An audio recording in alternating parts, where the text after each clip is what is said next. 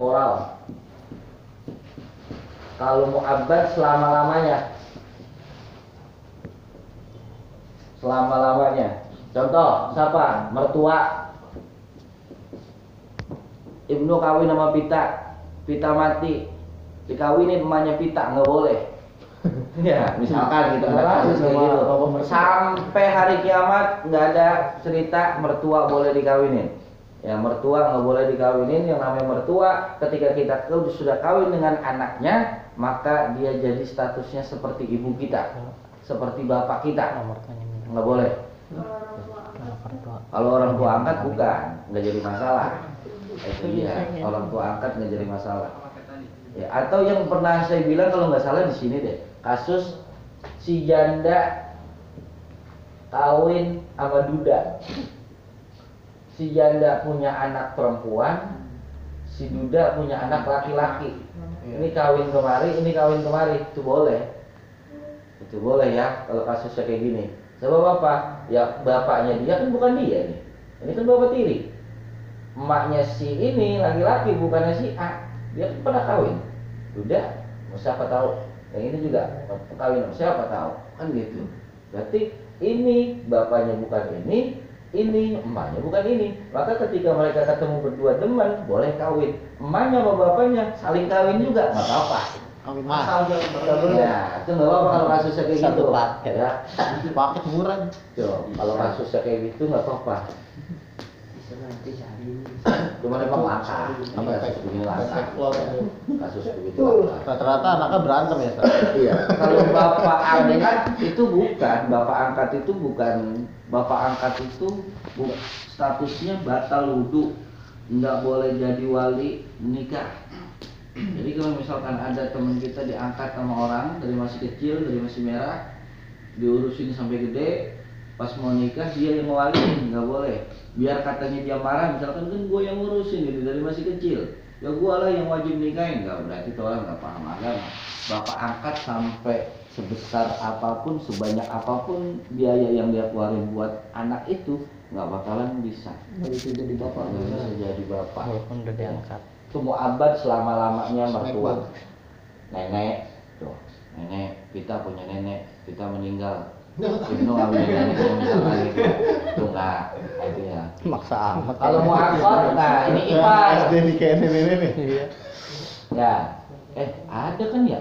Iya ada. anak muda kawin sama nenek-nenek kan Iya.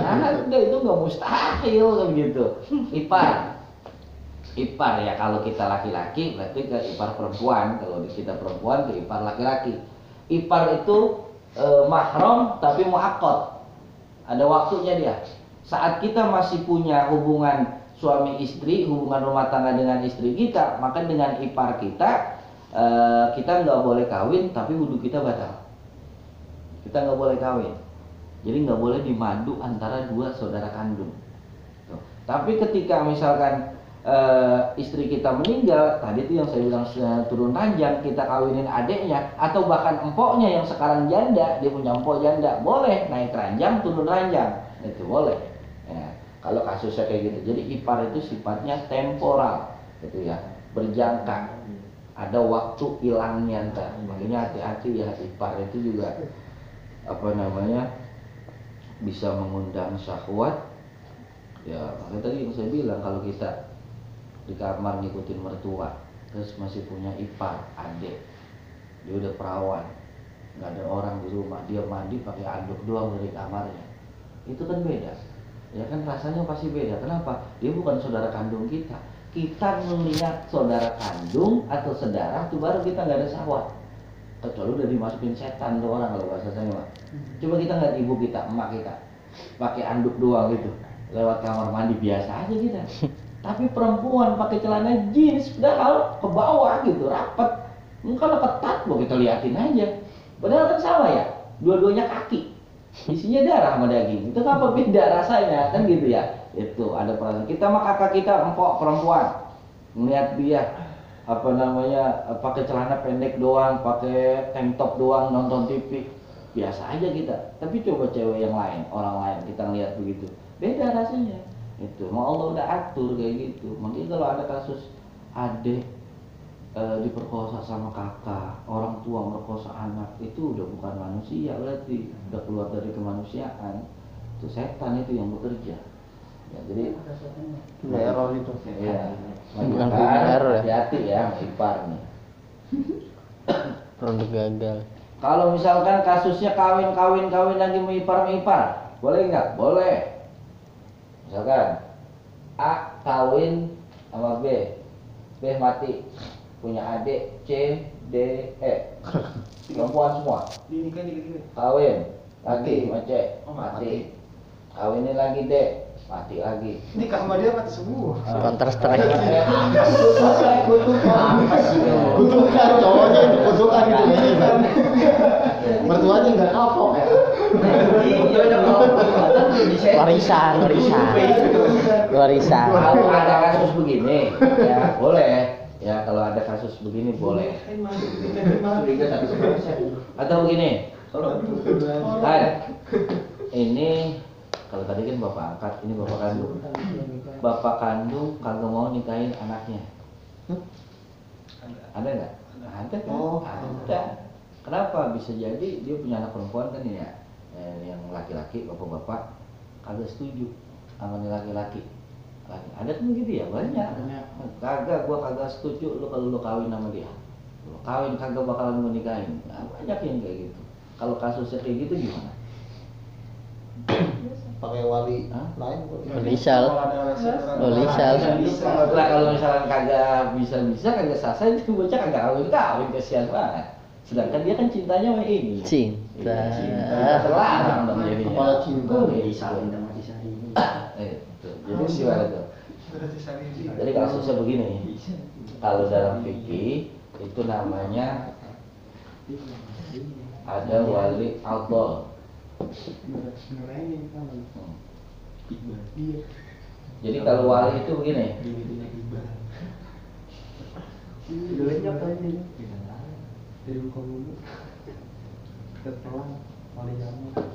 Nih. Itu namanya wali outdoor, wali yang membangkang, wali yang nggak mau nikahin eh, anaknya, padahal itu anak kandung. Wali. Ya, wali outdoor. Nah, kalau urutan wali ini, ini si perempuan nih, ya perempuan di sini. Yang lebih utama, ini nomor satu utama berarti ini baru berikutnya. Ini disebut dengan korib atau akrob. Jadi kalau nyari wali, wali yang terdekat dulu. Ke bawahnya baru abad. Abad. Abdol ini wali yang membangkang atau dia nggak mau nikahin anaknya. Gimana caranya jalan keluarnya? ini bapaknya di sini nih nomor satu, yang terdekat sama dia. Selama bapaknya masih hidup ke atas berarti kakek, ya. Jadi wali itu dari bapak, berarti bapaknya bapak kita, kakek. Iya, abis Paman. kakek, kak, bapaknya kakek kita, apa namanya? Uyut ya? Uyut. Ini di sini. Abis, ya kalau ke atas sudah pasti mati dah. mati, iya kan, udah pasti mati biasanya. Ke bawah, siapa? Paman. Saudara dulu. Oh iya, kandung, Nah, laki-laki. adik, laki-laki kandung. Nah, itu ada adik laki-laki kandung dulu. Kakak. Kalau ini eh, adik atau kakak. Tuh. Terus baru paman. Tuh urutannya begitu. Jadi jangan ini paman juga paman dari bapak dulu ya. Paman dari bapak dulu. Kita kan punya paman dua ya. Paman dari ibu, paman dari bapak. Paman dari bapak. Jadi wali itu terkuat dari pihak jalur laki-laki, ya. Kalau ini masih hidup, ini ini nggak berfungsi, nggak berfungsi, ya. Lah terus gimana ini udah kesian banget mau nikah, tuh. Ini bapaknya disebut wali antol, wali yang membangkang, maka perwalian itu harus diserahkan ke KUA. Nanti prosesnya orang KUA, eh, ya kalau bahasa kita ini Pak, dibujukin, dirayu, ngomong, Pak Haji, Bang Afo nggak mau nikahin anaknya, sampai tiga kali, tiga kali dibujuk, dirayu, nggak mau juga, maka perwalian itu akan pindah kepada si eh, orang KUA itu. Wah, Itu. bukan keluarga lagi gitu. Iya, KUA lagi. Ini enggak ini kan udah berfungsi. Kenapa kan masih hidup? Kecuali udah mati. Kalau udah mati, ada kakak kandung, misalkan laki-laki, ada paman. Ini dulu, kakak kandung dulu. Kalau ada kakek, ada kakak kandung laki-laki, ada kakek, kakek dulu. Tuh. Jadi kita ngelihat urutannya. ya. Jadi kalau dalam fikih ada yang disebut wali itu terbagi dua, ada akrob atau korib, ada abad, ada wali terdekat, ada wali terjauh. Itu dari si perempuan itu. Nah nanti sifat atau bentuk dari si wali itu ada yang disebut dengan adol, pembangkang nggak mau nikahin padahal anaknya sendiri dan itu kewajiban dia. Itu. Kecuali begini, ya udah. Tapi gue nggak mau yang nikahin. Gue waliin aja ke lu. Misalkan gitu. Dia ngomong gitu. Boleh. Pokoknya udah terima. ya atau pakai surat. Zaman sekarang. Zaman sekarang kan gampang pakai surat. Udah bikin surat pernyataan bahwa ada proses taukil namanya. Proses pewalian perwakilan eh, perwakilan wali gitu ditandatangani nama dia.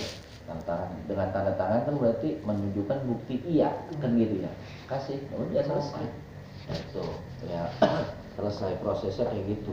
Tapi kalau tidak melalui jalur ini ke KUA itu maka paman yang nikahin nggak sah.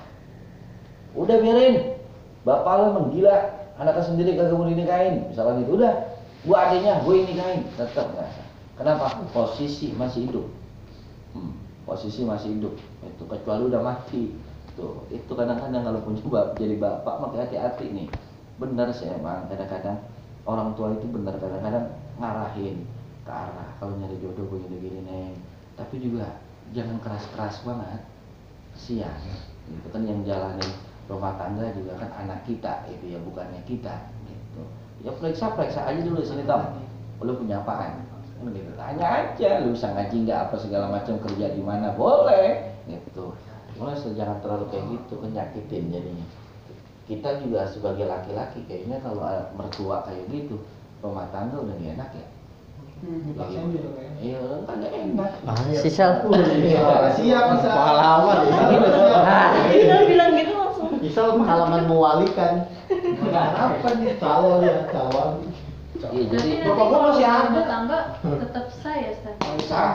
Walaupun nggak ada restu dari uh, ya dari bapaknya nggak nggak diwali gitu. Itu bapaknya dosa nggak Pak Ustad?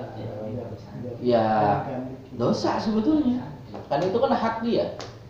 Eh eh, hak apa kewajiban. Hmm. kewajiban dia untuk menikahkan anaknya kewajiban terakhir gitu.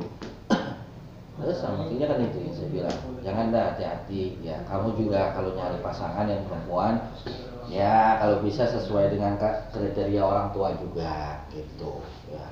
Kadang-kadang orang tua begitu juga agak keras sama anak gitu. Kalau misalkan kayak istilah kawin lari itu sebenarnya sah tapi salah aja gitu ya kawin lari. Kalau kawin larinya. Berarti kan uh, ada orang tuanya tuh yang nggak Hmm. setuju jadinya uh, nekat kawin lari. ya Kan harus sah dibujuk, harus dibujuk gitu, dulu. Iya. Dibujuk sama hakim. nah itu tadi kalau kagak dibujuk tahu-tahu dia udah kawin aja sama wali di mana tahu itu yang salah itu jadi harus ada proses Tiba-tiba pulang bawa anak. nah itu Sa- seumpama ada kasus emang kayak begitu sampai tua dia tetap ya nggak sah Nggak salah. iya nggak sah walaupun sampai punya anak gede Iya. Sama yang kayak kemarin yang saya bilang ada kasus kejadian orang nikah saksinya itu perempuan. Jadi saya nih nikah sama si A gitu ya. Hari ini. Ya, si A ini kagak saya kagak bawa saksi, dia nggak bawa saksi, tapi ada temennya dampingin satu perempuan, udah nanti ya jadi saksi. Gitu. Ini penghulunya misalkan itu yang nikahin, itu kagak sah. Nah, ini kan ada saksi, Tapi kan mas kawin ada, ini ada, itu nggak sah. Saksi itu harus laki-laki Iya, dua. Penghulunya tapi Ya. ini ya. Tapi Nggak, kalau penghulu itu maksudnya begini, ada kalanya penghulu dalam arti penghulu kampung doang. ya. Kan ada ya. bagus. Jadi kalau kita ngomongin DKI, DKI emang semuanya lari ke KUA. Heeh. Tapi kalau daerah-daerah kabupaten itu ada namanya apa? Amil ya. Amil. Kayak Bekasi Utara situ tuh. Jadi ada petugas KUA, nih, petugas KUA, bawahnya KUA di kampung-kampung itu biasanya ada namanya Amil. Tukang nikahin. Lah dia sendiri sebenarnya ngambil suratnya kemari.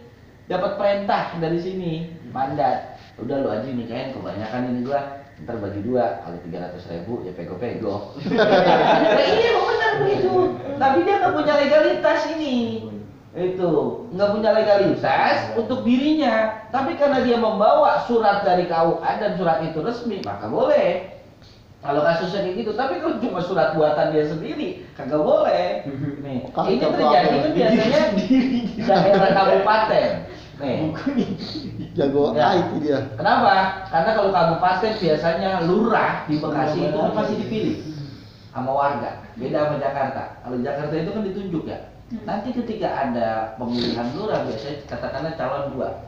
Saya sama Iqbal. Siapa yang pro sama Iqbal, siapa yang pro sama saya. Nggak taunya yang menang Iqbal. Maka yang pro sama Iqbal itulah yang diangkat. Jadi kades, kadus, RT, RW kan gitu ya modelnya. Nah itulah ada bagian ambil di situ tuh.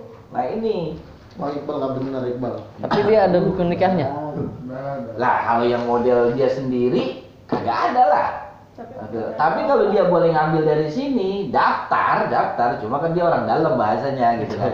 Itu mah Calon lah, sah, calon. sah kalau itu. Ya, cuma kalau misalkan walaupun dia ngambil buku dari sini, ya surat dari KUA, tapi perwaliannya tadi itu perempuan doang itu di sini, Hmm. tetap nggak sah. Berarti ah, secara pemerintah sah, secara agama Ah, enggak. iya. Pemerintah Mending, mah, di- mending dikasih Agamanya sah. pemerintah mah udah nikah nikah yang penting berkembang biak loh. Kalahkan Cina, kalahkan Cina. Ya, itu Berkembang hati-hati. biak lah. Hal-hal Bikin negeri ini maju. banyak itu terjadi kayak misalkan daerah-daerah apa tuh puncak-puncak sana ya Waduh. orang kawin begini begini 2 juta nih tuh ya kita berumah tangga dua minggu misalkan gitu itu nggak benar itu walaupun kata dia dinikahin gitu ya ada aki-aki pakai peci gitu videonya nikahin yang kayak saksinya kagak ada. Dia doang berdua nganten pas kawin taruh depan yang nikahin. Itu kagak sah. Itu. Udah gitu kadang-kadang yang Mau lucu. ada kok saksinya siapa? RT 2 RT 1 RT 2 ini emang perempuan anak lo kan begitu pertanyaannya. Kan perempuan bukan anak si penghulu itu. Nah ini kadang-kadang masih diakalin aja. Hati-hati ya hal-hal kayak gitu. Terus bagaimana jawaban berarti dia zina terus? Ya iya. Terus sampai mati. Itu. Zina sumur itu zina yang Jadi hati-hati. tidak terpikirkan.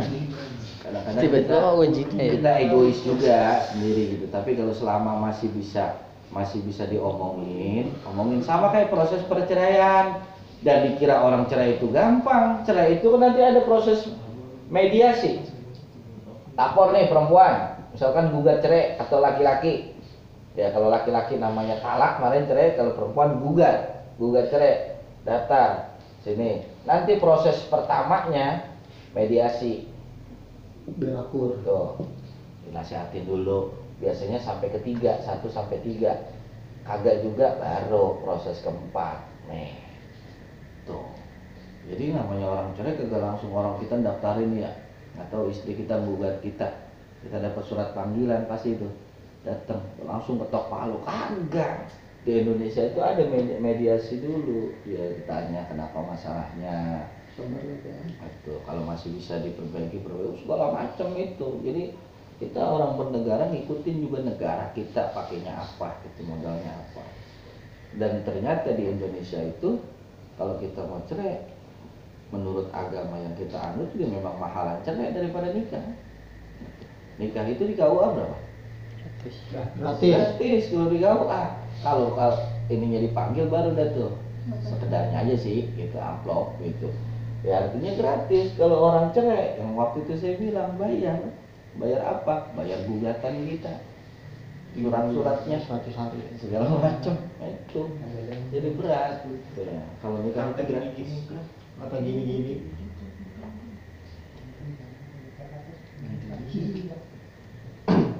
Ustad, ya nanya nih Ustad. Kemarin udah sebenarnya cuman lupa saya. Sudah. Kalau misalkan talak nih, Ustad, kan talak satu sampai tiga.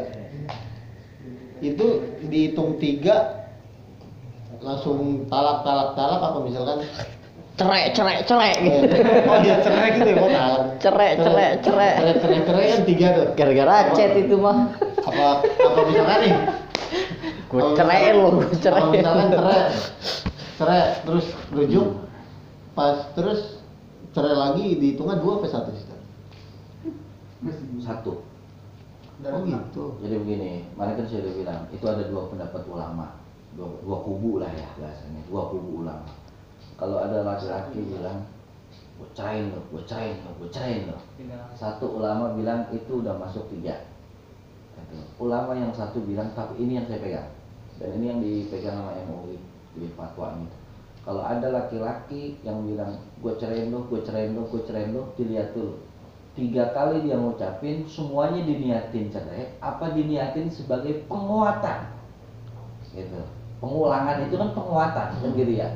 Jadi kedua dan ketiga penguatan yang pertama. Atau memang benar-benar diniatin tiga-tiganya cerai nih. Kalau diniatin tiga-tiganya jadi. Tapi kalau diniatin cuma penguatan, saking keselnya, jatuhnya satu doang. Itu. Nah, itu mau ngikut yang mana? Kalau saya ngikut yang ini tadi nih. Mau yang mana? Ya enggak lah, gua.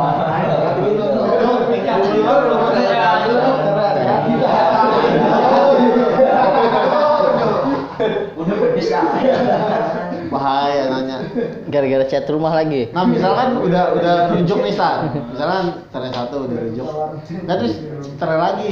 Itu dihitungnya dua pak? Oh satu. Udah lu. Oh gitu. Lu mau cari berapa kali nih? Insya Allah lah jangan.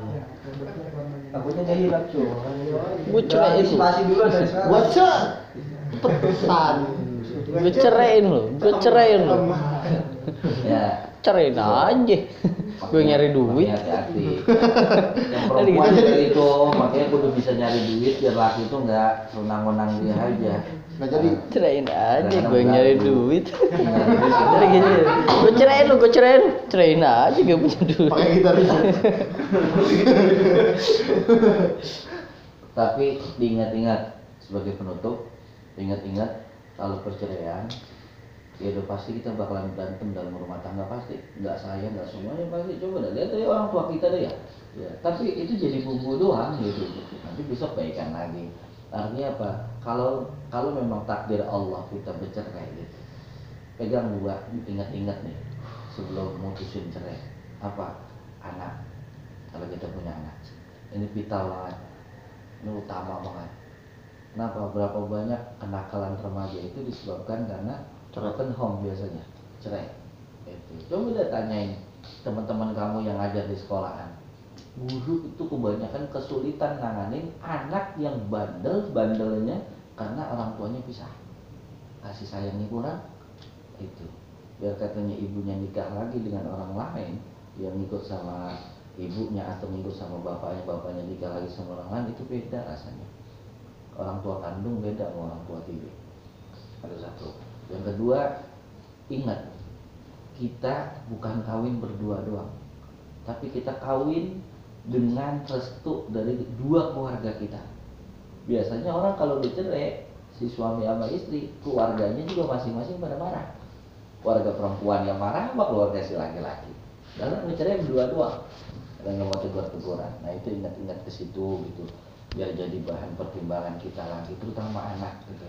Jadi kalau anak kita banyak atau perempuan itu akan membekas di hati dia. Tuh oh begini kalau rumah tangga ya. Kalau berantem tuh harus cerai ujungnya ya. Tapi kalau udah gede begitu mikirnya. Oh gue berantem sama laki gue yaudah gue cerai. Begitu. Jadi nggak ada ketahanan mental. Tuh ya makanya dipikir jauh-jauh makanya jangan kawin. Kawin muda bagus. Pernikahan dini bagus. Daripada maksiat mulu. Tapi kalau emang kita jomblo gitu ya. Jomblo kagak punya pacar. Ya udah matengin aja dulu usia kita. Matengin dulu ekonomi kita baru. Tuh. karena itu doang. Biasanya orang kalau kawin muda emosional. Ya, masih emosional. Belum ditambah ntar istri lagi ngidam malam-malam minta ini minta itu. Gojek. istri kita juga masih muda. Ya istri kita masih muda dia emosional nggak dikasih marah. Kita malam-malam disuruh nyari nggak mau marah. Marah ketemu marah. Nah ini rawan. Ya hal-hal kayak gitu. Boleh kawin muda tapi harus siap mental. Itu terutama itu ya. Jangan dipikirin enaknya doang. Kawin kan enak kan. Ini ini ini. Lagi musim hujan kayak sekarang itu kan gambaran orang yang belum kawin. Ya, gambaran orang yang belum kawin pasti dia mikirnya yang enak-enak mulu. Tapi orang yang udah kawin mau musim hujan mau kagak mah sama aja. Ya, jadi pen- penunjang rumah tangga yang utama itu ya saling nerimain kona'ah sabar syukur di situ. Yang kedua ekonomi. Ya, ekonomi kuatin dari sekarang. Apalagi kita tinggal di Jakarta daun pisang aja satu lembar sepuluh ribu. Kan? Belum yang lain. Itu udah pasti ribut masalah itu.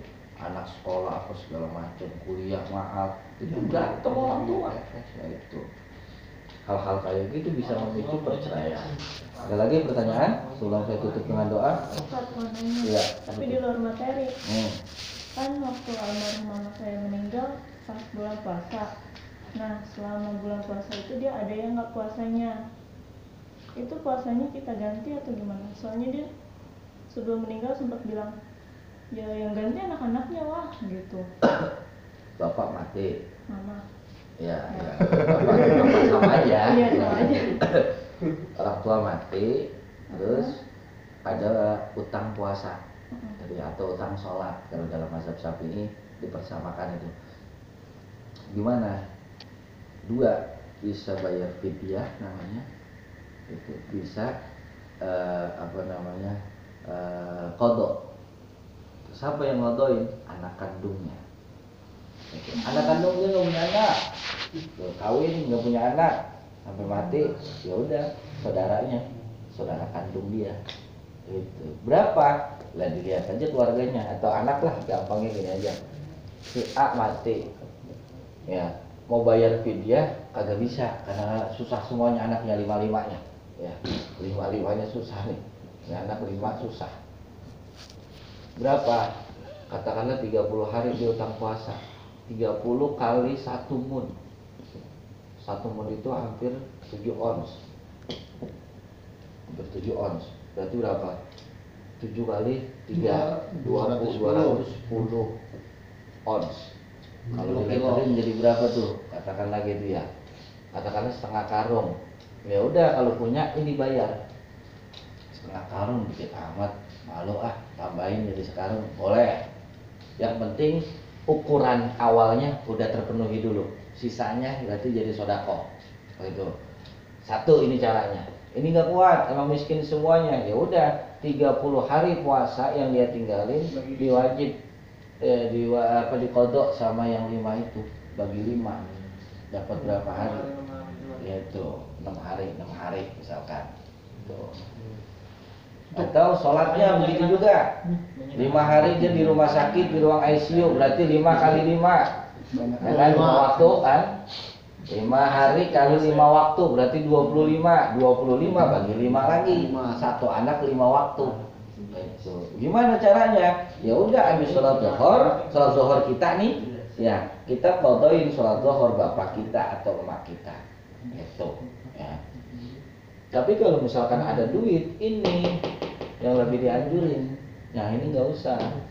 Nggak usah di apa namanya nggak usah dikodoin sama anak-anaknya. Bayar aja pakai fidyah namanya. Itu ya. Itu ke siapa aja Ustaz? Fidyah. fidyah itu mirip kayak zakat orang-orang miskin yang dikasih. Makanya kadang-kadang kalau di Betawi itu bayar fidyah itu biasanya habis tahlil hari ketujuh. Selain dapat besek nasi dapat beras juga tuh. Kalau seleter seleter dua liter dua liter itu. Ini kadang-kadang yang lucu orang itu kaya. maksudnya? Ya? iya kasih itu ya. Tahu. oh gitu Iya, bertahu. ya, Iya, betul. ya kan? Itu biasanya gitu dibagi Ju- justru kalau orang zaman dulu nih ya itu kudu diangkat ya beras berapa karung nih ya? Diangkat pakai bambu digoyang-goyangin gitu tuh. Oh, itu cara itu udah langka itu. Ya yang penting diterima sekarang. Itu bayar fidyah sebetulnya. Eh, cuma kadang-kadang yang lucu yang tadi saya bilang yang kaya ngambil juga. Orang kaya punya mobil dua beras liter pakai diambil sama dia. Ini kan yang lucu. Kalau kata saya apa sih? Udahlah bener emang itu sodako orang itu ya video orang. Kasih aja orang miskin Siapa di situ yang tahlil yang miskin? Dia dapat slater, kita dapat slater, kasih ke dia gitu loh. Maksudnya bukan dibuang, bukannya nolak, kasih. Kenapa? Karena kita punya butuh. Sama kayak kurban. Kurban itu harus yang diutamain siapa? Ya orang-orang miskin. Makanya kalau kamu jadi panitia, data dulu orang miskin sekampung kamu ada Panitia berapa? dulu. Tuh, ini panitianya dulu orang. Iya, dulu yang dia ngomong dia makan. Pala, pala, pala ya, pala. Belum Paha, dipotong, paha, udah paha. Belum dipotong udah dipesen. Panitia dua bungkus. Tuh ya hati-hati lah di situ. Gue udah capek-capek nih motong. Gue seruduk sama gue. Ya gitu aja nih enggak? Coba nih ya. Ada lagi? Dah, Itu kalau puasa kalau puasanya gantinya gimana Pak Ustaz? Ya, terserah kamu mau hari apa gantinya. Yang penting jangan hari yang diharamkan. Ya kan? Eh, Bapak kita ninggalin puasa satu hari nih. Kita mau ganti gitu. Kita puasanya lebaran tanggal 1 Syawal. Itu nggak boleh tuh. Kita sendiri aja puasa kagak boleh, Hmm. madain orang. Itu.